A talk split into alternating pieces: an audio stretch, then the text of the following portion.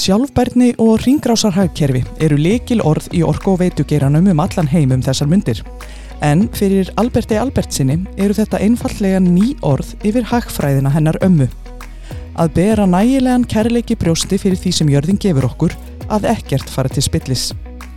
Þessa hugmyndafræði drakk Albert í sig frá blöytu bassbeini og nýtti í gegnum áratuga starfsferil á Suðunesjónum, fyrst hjá Hitaveitu Suðunesja og síðar hjá HS Orku, þar sem þetta leiðarljós var virkjað í auðlindagarðinum sem gengur út á þekkingarmiðlun og full nýtingu auðlindaströma.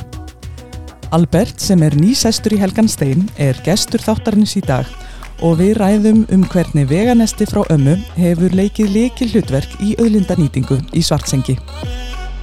Þið eru að hlusta á lífæðar landsins. Ég heiti Lofísa Árnadóttir. Vertu hjartalega velkomin í, í hlaðvarp samorku Alberts. Kæra þakkir fyrir það. Já, hva, hvar er þú fættur og uppalinn?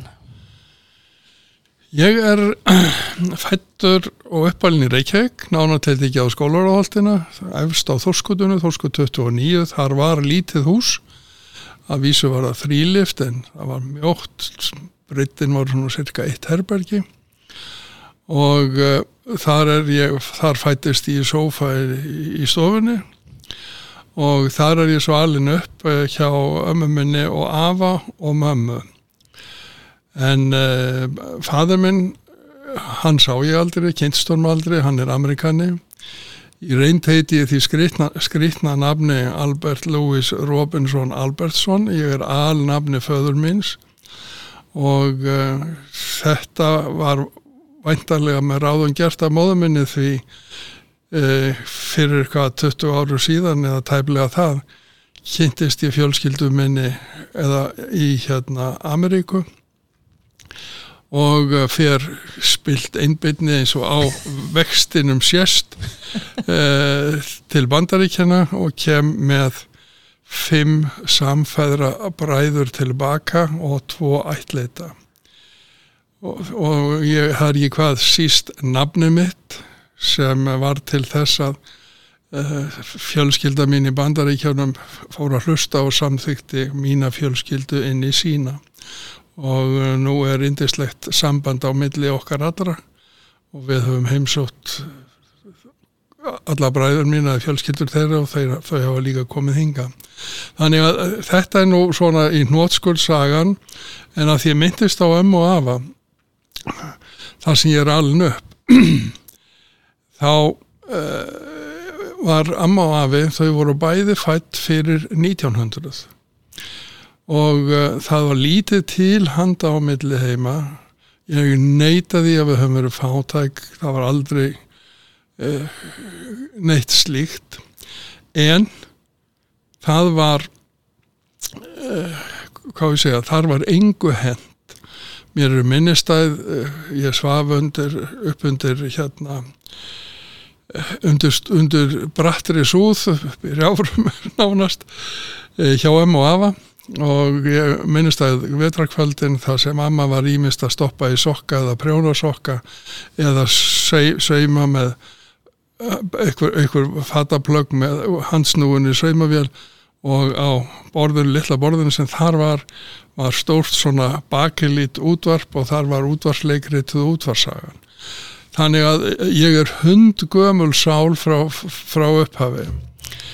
Nema hvað amma eins og ég segi það var engu hend mat var ekki, ekki hend og svona sem dæmi um, þess, dæmi um þessa nýttni var til dæmis að, að hérna þegar hvað maður að segja, fataplögin eða töskuplögin, það var ekki undan nót, þau voru svo sleitið, það var ekki undan nót þau lengur, þá þvoði amma þetta, neyri vaskahúsi eins og þá var kallað. Og þessu var sapnað saman í póka og ég man eftir mér ég hef ekki verið kannski tíu ára þá gekk ég ofan á þórskutunir og freyjugötu.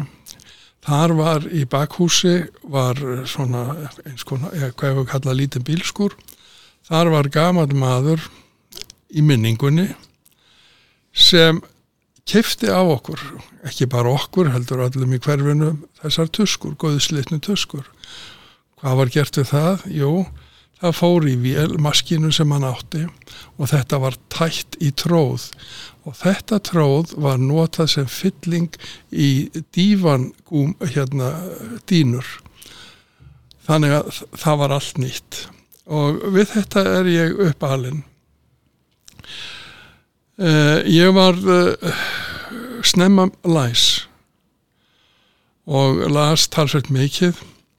Hafði sérst, fekk sérstakann áhuga á uh, hérna indjónasögum eða öll, ég ætti frekar að segja sögum frumbyggja Indján og Norður-Ameríku voru mér hugleiknir. Það getur verið út af mínum uppruna ég veit það ekki.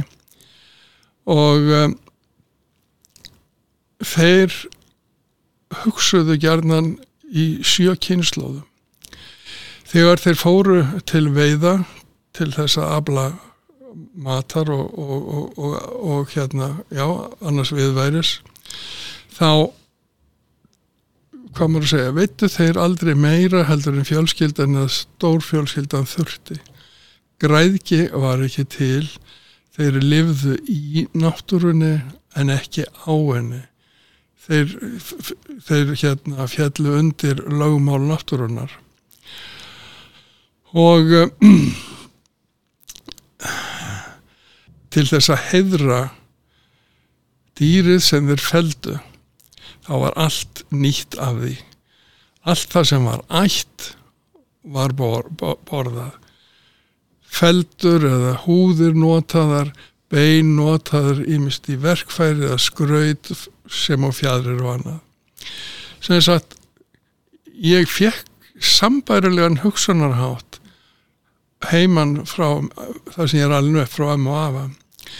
Og þetta mótaði mig mjög stert og þetta tekið svo með mér í gegnum allt með nám og svo þegar ég kem eh, til starfa í, í, á Hitautu Suðunis og það má segja líka að í þessu fólst eh, hvað maður að segja kærleikur og virðing fyrir hvað maður að segja öllu, öllu, öllu lífi.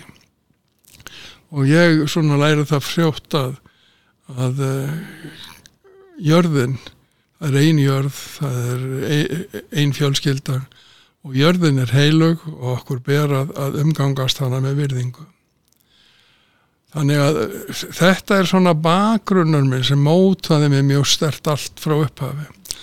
Og uh, ég veit ekki hvort þú hefur heyrt af því en það sem við höfum kallað auðlindagars hugsun uh, þetta er eiginlega grunnurinn að, að henni. Þessi auðlindagars hugsun þetta er ekkit annað en heilbriðskinn sem er common sense samfélag án sóunar Þannig að þetta eru, hvað maður segja, lífsreglur, heilbriða lífsreglur sem uh, er að virðingu fyrir náttúrunu og allar lífi. Já, þetta tekið svona með mér. Þetta er svona minn bakgrunn og nú hvað námi var þar, uh, þó ég byggi þarna við hliðina á listasafn Einars Jónssonar, þarna upp að Holti, þá gekk ég í miðbæða barnaskólan og uh, fór það í gegn náttúrulega, fór svo yfir lækjagotuna í landspróf sem þá var. Og þaðan fór ég í mentarskólan í Reykjavík. Og uh, þaðan fór ég svo upp í háskóla og var hérna, fór í fyrirlutan ám í verkfræði. Og það var ekki á þessum árum þá fengum við engin réttind út úr náminu. Við gáttum, þetta var einungis nánast einungis hérna bara bóklæstur eða, eða svona fræðileg kjensla og en ef maður lauk þessu þá hafði maður líkil að, að, að skólum erlendis. Og það lág fyrir mér að fara til Svíþjóðar og þar lauki mínu verkfræðinámi í, í KTH eða Kungliga tekniska högskólan í Stokkólmi. Þar lærði ég vélaverkfræði og uh, svona þá voru eiginlega áherslunar þar sem ég hafði áhuga á og, reynda að tilenga mér var, uh, var varmafræði og strömmfræði og það var mikið um, það var náttúrulega gufukverlar eða turbínur gasturbínur þar séu þótumótorar stóri kallar kælikerfi þetta var svona þunga meðjan í náminu. Ég fór líka vegna þess að þegar þessi kjarni var komin ég, þetta, þessi grein eða þessi deild hér ongtekník, ég hef þýtt sem gufuapsfræði eh, þegar maður kom með þennan kjarnar það var svo auðvelt að bæta við sig einu lit, litlum klutt hér. Þannig að ég laug líka eh, kælitekni og, eh, og hérna hvað heitir það? Upphittun húsa eða loftræsingu. Og síðan uh, fór ég uh, það hafði verið smá hlut af náminu í, í, í guðvarfræðinni uh, kjarnarkuverkfræði og ég fór svo heldur mér út í það í, í lokin. Og lokaverkefni mitt var í fekk ég í, Studsvík en þar var kjarnarkur rannsóknarstöð Svíja og var svo heppin of því að það var ekki auðvelt að hvað maður sé láta endan á saman. Þannig að ég fekk reitt fyrir verkefni mitt þar og ég var þar uh, röst ár.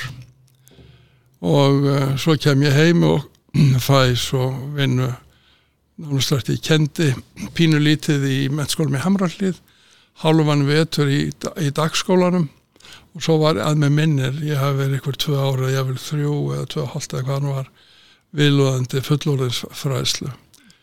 Ég er svona, það er líkur nokkuð stert í eðlum mínu að, að hérna, ég hef gaman á að kenna og ég er þeirra áráttu, þeirra áráttu að ef ég læri eitthvað nýtt eða eitthvað nýtt þá verð ég endilega að koma því frá mér. Og hjarnan segir kona mín við mig og rannveg mín ef ég er að höra að taka mótið eitthvað með eitthvað. Albert minn mundu nú að tala ekki um mikið og þú heyrir það núna ég stopp ekki. Þú er drauma viðmælandi, ég þarf ekkert að segja. En, en, en er, er fólk fróðlist fúst þá um það sem þú hefur að segja? Eða? Ég kemur það ekkert við, ég er bara að missa yfir því. Nei, ég, hef, ég finn aldrei fyrir öðru. Nei, ymmið og uh, ég hef verið að vinna svolítið í kirkjunum minni, Keflagokirkjum Ég hef verið með núna nokkra ára skeið á, í hátteginu á, á mánudögum alltaf kyrðarbænastund. Við erum þarna nokkri kallar, stúdungskallar sem hittumst í hátteginu í um klukkustund og fyrir, fyrir, fyrir stundum til hálftíma fer í einhverja svona fræðslu, náttúru fræðslu. Ég, þá hef ég lesið eitthvað eins og til dæmis og ég minnist nú bara á eitthvað. Ég tók fyrir einu sinni skórækt eða, uh, og mér þótti merkilegt að sjá að, að hvað maður að segja miklu þekjan í skóarbotninum er nánast eins og ljósleiðara kerfi trjána þau, þau hérna það fara bóð elektrón, elektrónum bóð á milli og uh, það hefur verið sínt fram á til dæmis að gamlar eikur, 100 ára gamlar eikur eru ennað hugsa um afkvæmi sín. Ja, og það, það eru svo, alls konar svona fróðleikur og strákarnir mínir en kallarnir mínir þeir segja þeir, nú erum við að fara í Vístakirkjuna en hérna já og svo endur við þetta á, á, á hérna Kyrðarbæn þá erum við bara þegjum við og reynum að reynsa hugan og það tekur svona 20-25 minútur og svo örstuð bæna stund á eftir.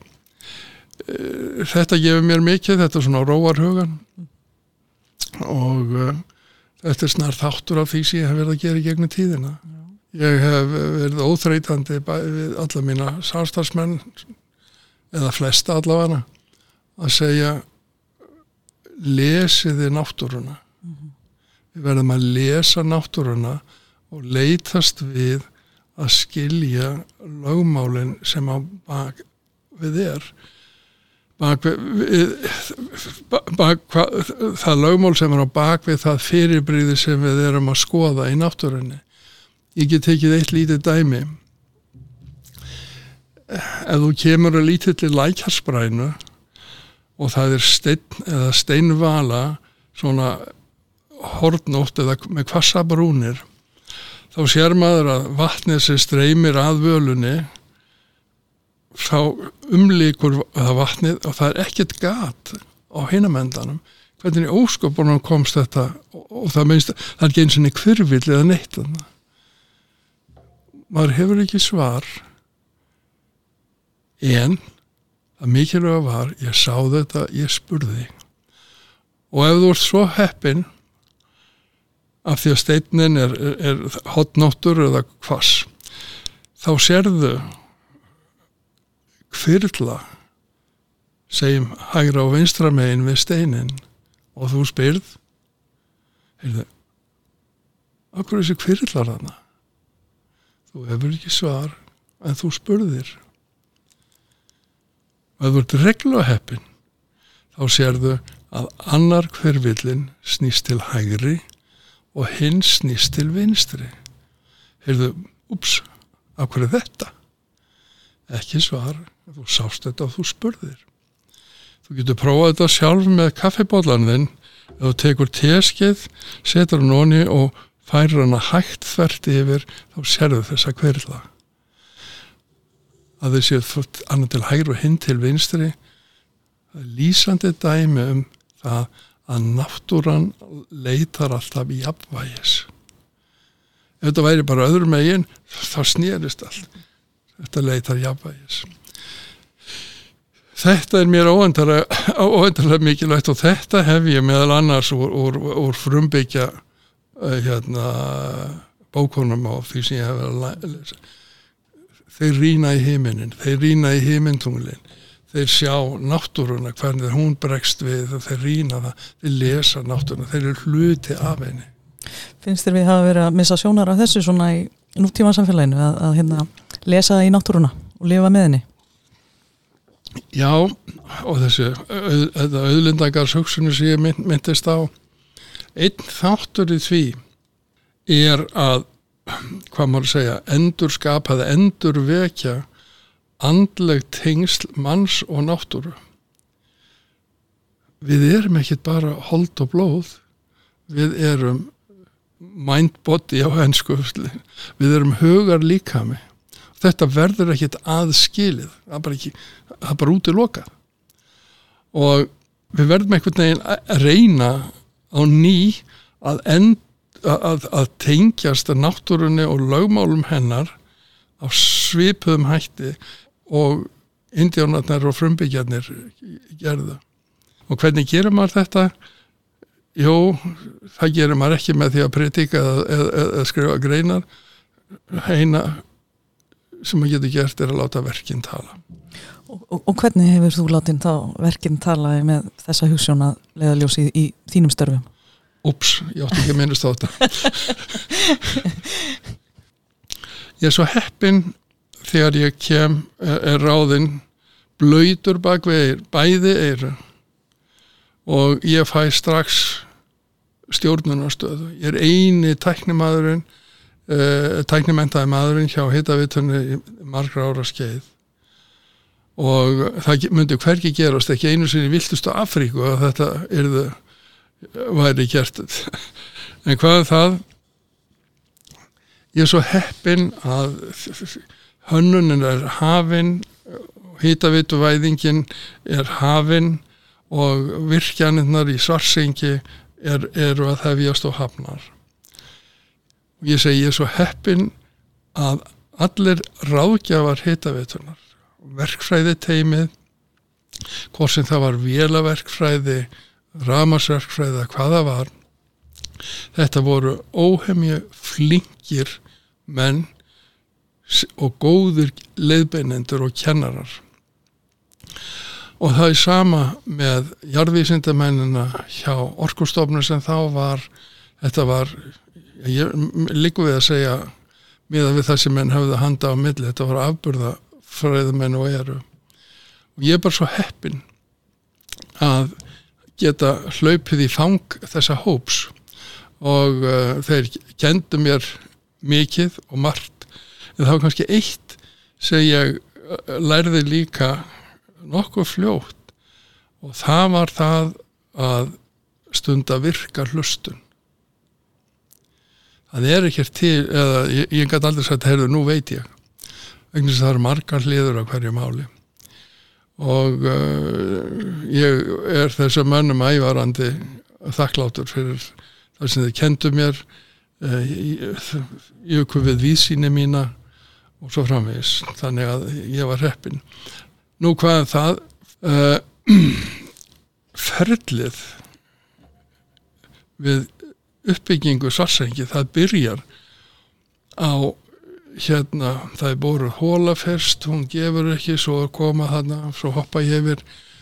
Og það eru tvær hólur nálat grindauguvegi sem eru farnir að gefa vel og þá eru það flinkir starfsmenn á orkustofnun sem hérna setja saman á einsku hörðu að kalla deskstöti þetta er bara lítil skýrsla sem e, dregur upp á hvern hátt sé undan nýta þessa öðlinn menn ætluðu sér að bóra, það er að segja grindvikingar, þeir ætluðu sér að bóra og, eða vildu bóra og fá bara 70, 80, 90 græð heitt vatn eins og bara hér í Reykjavík.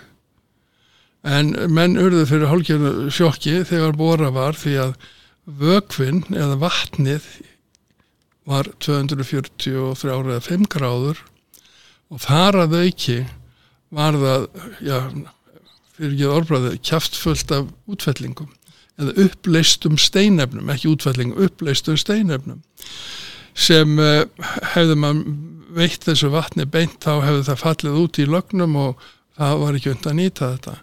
Og þar að auki var uh, íslenski góði ilmurun í vatninu brænsteinsvetnið ég kalla þetta við alla útlendingar sem ég hitt, ég kalla þetta Icelandic Parfum en hérna, já þannig að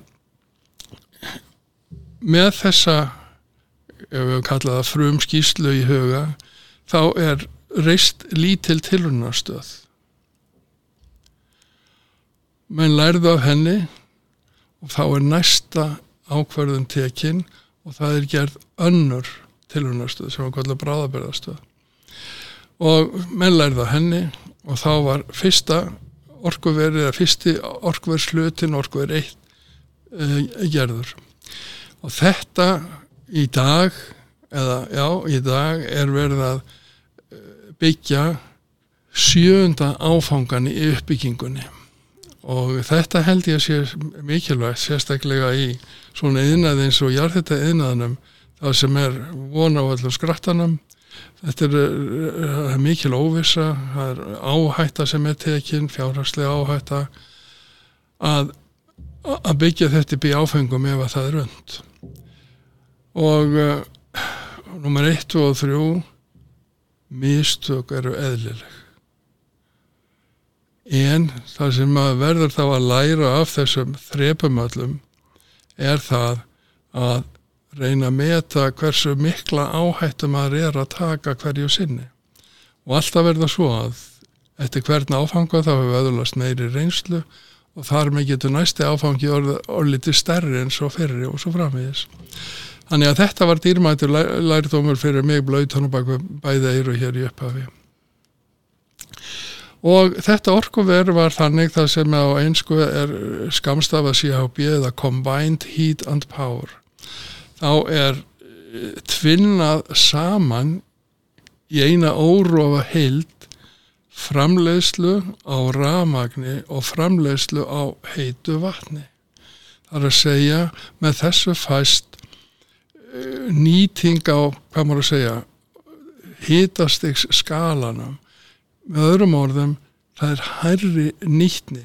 Við förum betur með auðlindina, við nýtum hana við hærra hvað maður að segja, hærri nýtt með hærri nýttni og það er markmið okkar alltaf að sóa engu og reyna að, að hérna já, gera hlutina eins vel og undir og þess vegna kemur til það sem svo oft kalla best available technology þar að segja að beita bestu fáanlegri tekni hverju sinni. En það er nú ekki auðvelt í þessum jarðhættaðina eða þess að þegar hópurinn, verkfræði hópurinn og, eða ráðgjafa hópurinn, orkustofnun og, og ráðgjafarnir þá fórum henni ekki upp í hillu og tókum uppu og svo það eru hér, nú þarf ég hann hálkuver þú getur gert það í áliðinaðum öllum þessum megin eðinaði þannig að það var svo margt nýtt þess vegna er, var, hefur frá upphafi staðblær uh, uh, fyrirtækisins verið rannsóknir og þróun og það held ég að sé að fyrir mér er það óhæmi mikilvægt. Heitavatnið okkar er náttúrulega öðruvísi, var allt, allt öðruvísi heldur en í Reykjavík. Þetta er ferskvatn sem er tekið úr hraunónum og uh, ég, með minnir, uh, ég voni að fara rétt með að í upphafi þá voru bladaskrif um það að hýtaveita í svarsengi það væri svarsengi og það væri langt í hana ef hún kemist á því að það væri ekkit ferskvatn á svæðinu.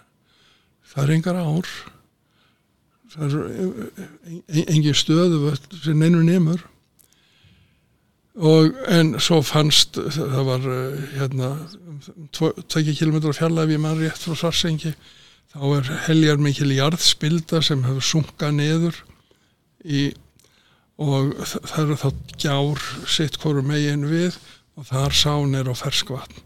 Þannig að, og, og, og svo fundum við ferskvatn, þannig að það var allt í einu orðið nóga ferskvatni og það verður svo til þess að, að, að það verður ferskvatsveitna og það er skemmtileg saga sem ég get sagt um því.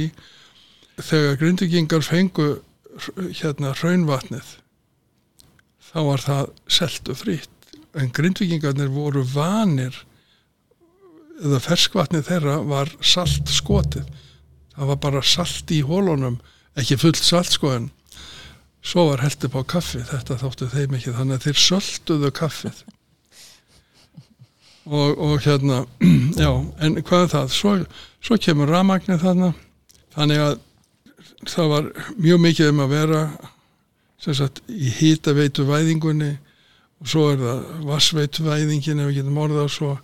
Og svo, svo kemur ramagnið þannig að þetta er búið að vera stöðugur snöggur vöxtur all, alla tíð. Og þetta eins og ég saði upphafi mikið þessar starfsemi kannski ekki dreifikerfið og það en þó pínlítið er varðað rannsóknum og þróunum. Þetta einkendi kendi hópin þetta var bara og er enn að ákveðinu marki frumkvöla fyrirtæki höfuð fjandi okkar eða já, í, í, í rekstrinum eru sagt, tæring, málmtæring. Það er meðal annars út á seltunni vatninu og, og hitastíginu þess vegna er rétt val á málmu mikilvægt. Við stunduðum uh, heilmiklar efnisprófanir í svarsengjum árabil. Og uh, nú síðan er það brennisteinsvetni góða, ilmurinn. Brennsteinsvetni tærir silfur, gerir reykvískar húsmaður ævar, fellur á silfrið og tærir silfur, tærir kopar og jafnvel gull. Þannig að við þurfum að taka útiloft, nánastu döð hreinsa það og blása því inn í rými sem eru lokuð þar sem þessi tölvubúnaður er eða láspennubúnaður og þetta kostar fyrir og þá aftur hérna vil ég koma kannski svo ég hoppa úr einu í annað. Út á Reykjanesi þá fengum við eða þá var boruð grunnhóla og hérna hún var ekki sver. Hún var grunn og, og grunn. Á svæði þar sem uh, brennisteinsvetninu eða jarðhetta gasinu slókjarna niður. Og við þetta var borað eh, niður undir eða rétt niður í grunnvatsborðið í ykkur 60 ár þá var lofti dælt úr þessari hólu mönnum okkur leik forvittna á að vita hvers konar loft er þetta? Er brennisteinsvetni í því? Er eitthvað annað í því? Laungsagastött þetta loft var svo hreint að það hefði verið önd að setja það inn í hvaða skurðstofu sem var á sjúkrahúsi.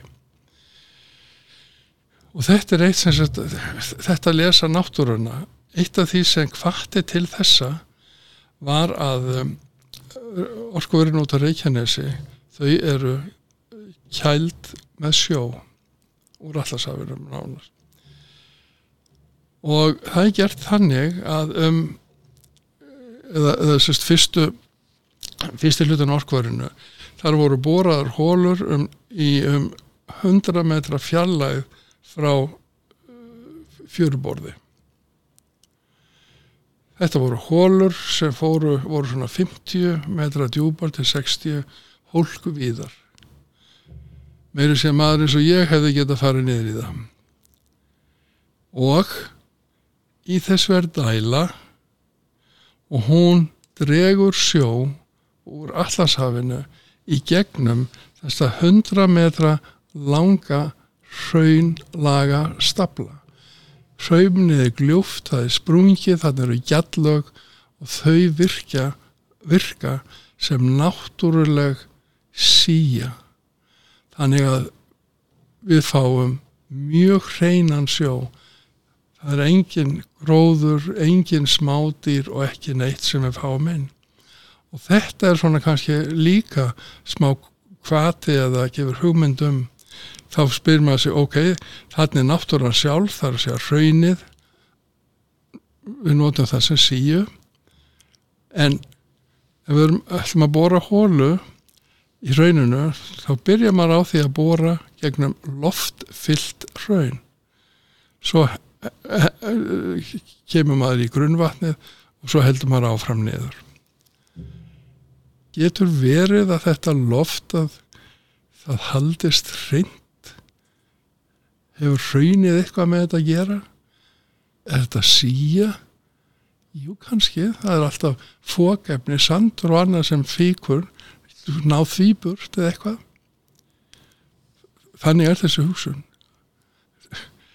þetta er bara common sense. Þetta er bara að lesa náttúruna. En þetta hljóta að hafa verið samt alveg nokkuð einstakar aðstæður þannig að valla mörg svona orkuver í heiminum.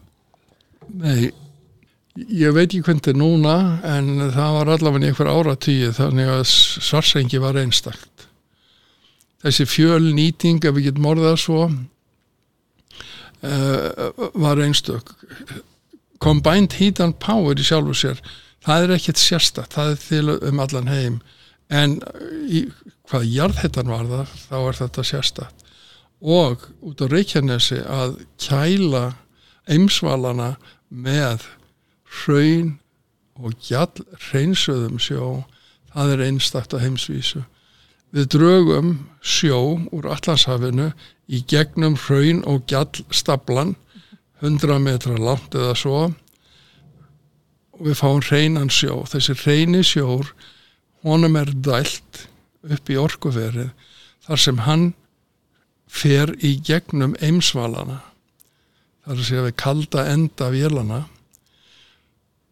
Hýtastíð á sjónum er um 8 gráður að meðaltali, ásmeðaltali þegar hann kemur frá vélunum þá er hann um 30 til 35 gráður þetta er dýrmætt öðlind 30-35 gráður heitur sjór er mikil öðlind enda þarna er fiskeldi sem nærist á þessu og er að framleiða tropical fish hvað heitir það, hitabeltisfisk. Og allt það sem við höfum gert hefur tekið mið af þessu að allt það sem fyrir inn í virkjuna eins og til dæmis hér í Svarsengið út af Reykjanesi. Þetta eru dýrmætar auðlindir sem okkur ber að fara vel með og nota eins lítið af við komustum af með. Á sama hátt þá lítum við á allt það sem frá orkuverinu kemur sem dýrmæta auðlind sem ber að nýta í, til framlustu vistvætna afverða eða ef við tökum eins og svarsengi ramagn kemur frá orkuverinu heitt vatn kemur frá orkuverinu ferskvatn eða grunnvatn kemur frá orkuverinu jarðhitta vatnið við getum minnst á eitt lítið fyrirtæki sem heitir Bláalónið Næ, nærist á því eh, og gasið jarðhættagasið, kólsýran þar getum við minnst að carbon recycling eh, sem tók hlut af gasinu meðan það var, var starfaði var í þróun og bjóð til metanól eða tréspritt út á Reykjanesi var þetta sem ég myndist á uh, eimsvala sjórin en nýttur í fiskaldi ef að fiskaldi hefði ekki verið þá hefði þessi afgangsvarmi hún hefur verið hend og það er bara bannvara þessi indjána hugsun að Já. bera virðingu fyrir því sem þú nýtir. Já, Já, líður okkur ekki best þannig? Jú, ég held það. Er það að- ekki? Það hlýtur eiginlega að vera. Þetta stuðlar að eða við viljum stuðla að hérna samstarfi mismunandi eða, já, eða samskiptum á mismunandi menningarheima. Ég hef ekki tekið dæmi flestar guðukverðlarnar okkar eru frá Japan.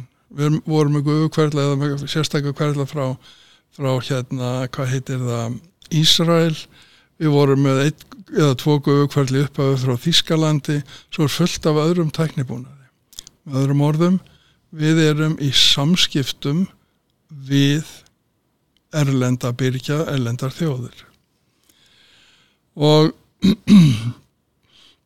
í mínum huga hefur alltaf er skýrt fyrir ekki sletti ensku. Business is about people. Business is about creating trust between people. Það er að segja viðskipti snúast um samskipti manna viðskipti snúast um að skapa tröst á milli manna. Dæmi vinna með Japanunum þeir kunni ekki að segja nei. Þeir segja aldrei nei, þeir segja bara já. Ég verð að læra þetta. Og ég hérna verð að kynna mér pínulítið hvað ég að segja sögu og, og, og hætti í Japana. Sama verða þeir að gera. Þannig við að- ætlum að byggja upp tröst og ég hef gert það uh, uh, eða gerði það í upphafi. Ég tók alla Japana, Japani og Ísraelsmenn líka og þjóðverðina líka. Ég tók á heimti mín hvort sem það voru kallan bara nýra á gólf í, í, bláa galanum eða einhverjir hátsettir kallar. Kom bara heim og ég sagði, sla, slakið nú á. Það var eh, hérna uh, það var stundum erfitt fyrir Japana þegar þeir komið mjög hátsettir en uh, þetta hefur orðið til þess að það, hafa, það náðust mjög hvað maður að segja náinn tengsl þessara fyrirtækja og okkar. Og ég til dæmis á enn en þetta í dag góða vini uh, í, í Japan og, og, og uh, Ísrael til dæmis. Hver, þetta, þetta snýst um fólk Já, það gerir það en, en þetta eru ólíkir siður. Hver, hver, hvað var svona hérna, hver var helsti munurinn á, á svona siðum, svona kannski það fyrsta sem þú tókst eftir á sínum tíma? Sko í Japanarnir í, hvað heitir það í upphafi Japanarnir var óskaplega voru nákvæmur, þeir hönnuðu pínlítið öðruvísi en við á þeim tíma, nú er ég að tala um sko 40 eitthvað ár tilbaka og ég var það að hérna náttúrulega bara samþekja það sem var ekki nema gott vegna að þetta var nákvæmt og vel gert og allt það. Fannst það bara svo mikill óþarfi að mér fannst í þessu með að við það sem við Íslendingarnir gerðum. Jap Japanin varð að taka það gilt sem við gerðum og finna einhvern flöð til þess að sauma þetta saman. Það, það, það voru svona hlutir það sem okkur þóttu augljóst það var ekkit augljóst fyrir þá ég held hluti af þessu er þetta velþekta element í okkur. Þetta að reddast. Það er ekki til í Japan. Nei, og fjölmörgum öðrum þjóðum skilja, Já, sem skilja þetta heldur. þetta er bara ekki til. Það er svona hlutir uh, sem er er, er hluti af þessu, þessu, þessari auðlindagarðshugsun já og svo þessi fjölnýting eh, það er að segja að hvað ég á að segja það hrat úr einu fyrirtæki er og á að vera dýrmætt ráefni fyrir aðrar vistvænar afverður og þegar maður að segja, auðlindakarður eða svo er, er, er, þegar er stopnað til hans þá verða mann að hafa þetta í huga þegar það koma fyrirtæki til þess að, að nýta það sem uh, orkuverin gefa af sér. Það sem frá þeim kemur þau, þeim fyrirtæki sem kom inn það ber að nýta. Og þetta gerir ekkit þetta, það verður að vera einhvers konar samhaugur og samvinna þarna. Er þetta hugsunum sem að þú kemur með inn þarna strax frá upphafið eða verður þetta svona til Já, þetta, ég kom með hagfræðinu og ömmu í þetta strax. Og þetta er aldrei merkilegt. Mér er nú bara bent á það fyrir ykkur nokkur árum, ekki mörgum. Sko sjálfbærni ég hef ekki hugmyndu hvað það var. Við höfum unnið í anda sjálfbærni allan tíð, kannski ekki nægilega mikið en það hefur verið. Og ringrásar hagfræðin hvað er það annað en hagfræðinu ömmu þannig áður en menn fóru að tala um circular economy þá var það inn í öðlundagarshugsunni og uh, sustainability líka. En svo hérna náttúrulega hérna breytist nú aðeins hérna umkörfið á Íslandi þegar hérna verður aðskilnaður á milli framlegslu og rávorku og, og, og hittaveitna þannig að þú ferði yfir þá til háis orku eins og já, það var skýrt. Já, í upphafi var allt á mínum herðum sko, dreifikerfið og rekstur þess, viðhald þess og, og setna svo sko ferska vatnið og svo ramagnið þetta var upphafi og vægast sagt rávorkukerfið það var vægast sagt í henglum.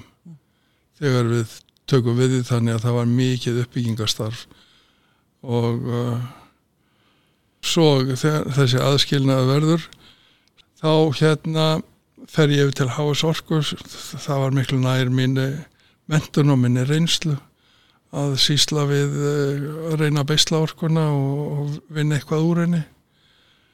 Eða já og, og, og koma þessari auðlindagarsugsun frekar á framfæri. Mm -hmm.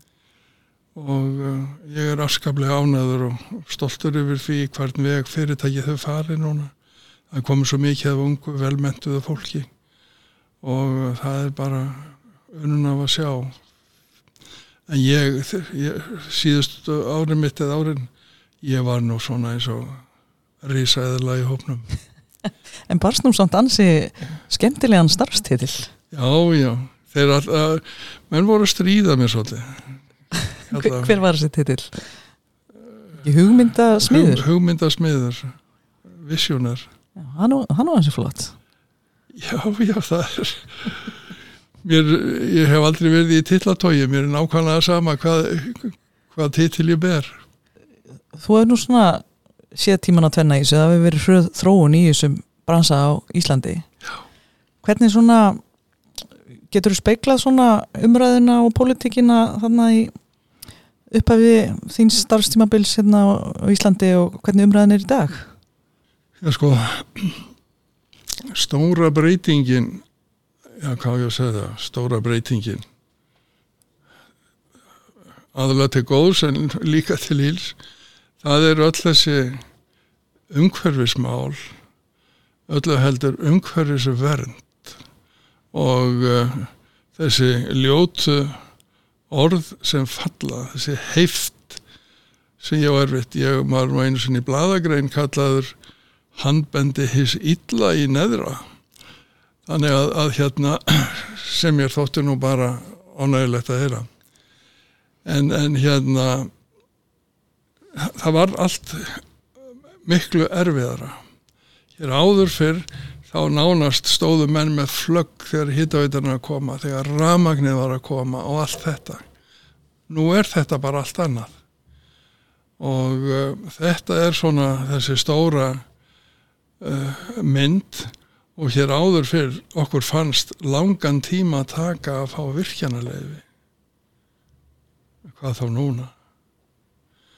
Og þetta stendur þessu fyrir þrifum og ég bara skil ekki þessi auðlindagars hugsun er meðal annars sett fram sem verkfæri til þess að reyna að ná eðlilegu hvað ég segja samtali á milli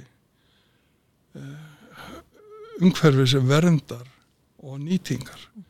Sem sagt að fara að lesa náttúruna og, og, og hérna og ég held eða mér finnst á stundum að virkjanir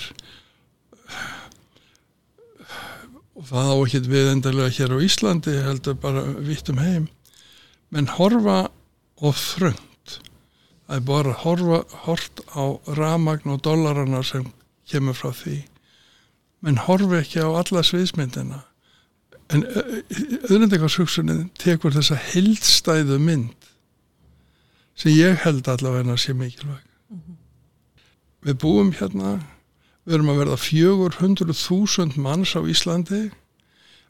Hver og einn þessara þá ramagn, heitt vatn og grunnvatn ætlum við að sjá þessu fólki fyrir þessum, hvað maður segja, nauðþurftum?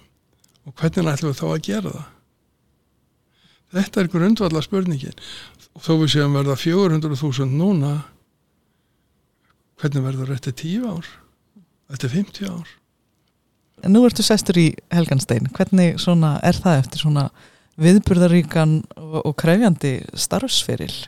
Hvernig ert að halda þið við í, í þessari nýsköpunar hugsun og, og svo framvegis? Rétt hjá þér, ég er orðin eðjuleysingi en hérna, já ég ger það. Eins og segi, ég les mjög mikið, ég reyna að fylgjast með tæknifróðunni eins og breytingarnan í orkuðinaðinu, vettinsvæðingunni og, og, og því. Það hefur kannski háð mér í gegnum tíðina að ég hef uh, mitt áhugaðsveður allt og vitt ég hef uh, haft uh, lengi mikinn áhuga á líffræði. Ég á mér draum. Ég mér langar að sjá hamingjum samt hjónaband á milli líftækninar og jarðhittans vegna þess að jarðhitta orkuverinn hjá okkur sem er svona næri sjó og svo framvegis hafa svo margt sem getur nýst líftækniðina ræktun þörunga. Ef maður hugsar hvað er það? Jú, það eru til smásægir þörungar eða mikroþörungar og ég vil nanoþörungar og svo makroþörungar þannig að stóruð hérna, þörungar sem við sjáum í fjörunni þegar við förum að labba. Þetta er frum lífið þessi smæstu þörungar fara í smæstu munana og svo heldur keðjan áfram. Og í mínum höga þá er framtíðar ég ætla að segja landbúnaður, ég ætla að segja hafbúnaður er í sjónum. Við eigum möguleika vegna legulansins vegna hreinleika sjávar og svo framvegis allavega eins og komið er að sækja gróður hafsins og rektan við stýrðar aðstæður upp á landi. Og þessir þörfungar þetta er, er til 2000 afbreyða og uh, þetta er hjáttföld af bætiefnum, vítaminum nefndu það. Stórþörungu þá er menn að vinna leður til dæmis, það er að það ekki gera allt mögulegt. Þetta á talsverðan þátt af huga meina núna og er að göslast í því svo langar mér líka mikið að, að, að sjá þetta bara víðar í víðar í söðun og allstað er það sem menn eru að nýta náttúruna til einhvers konar rektunar að, að spúa til eitthvað svona heilstæða hugsun þar sem ég held að sé grunnur á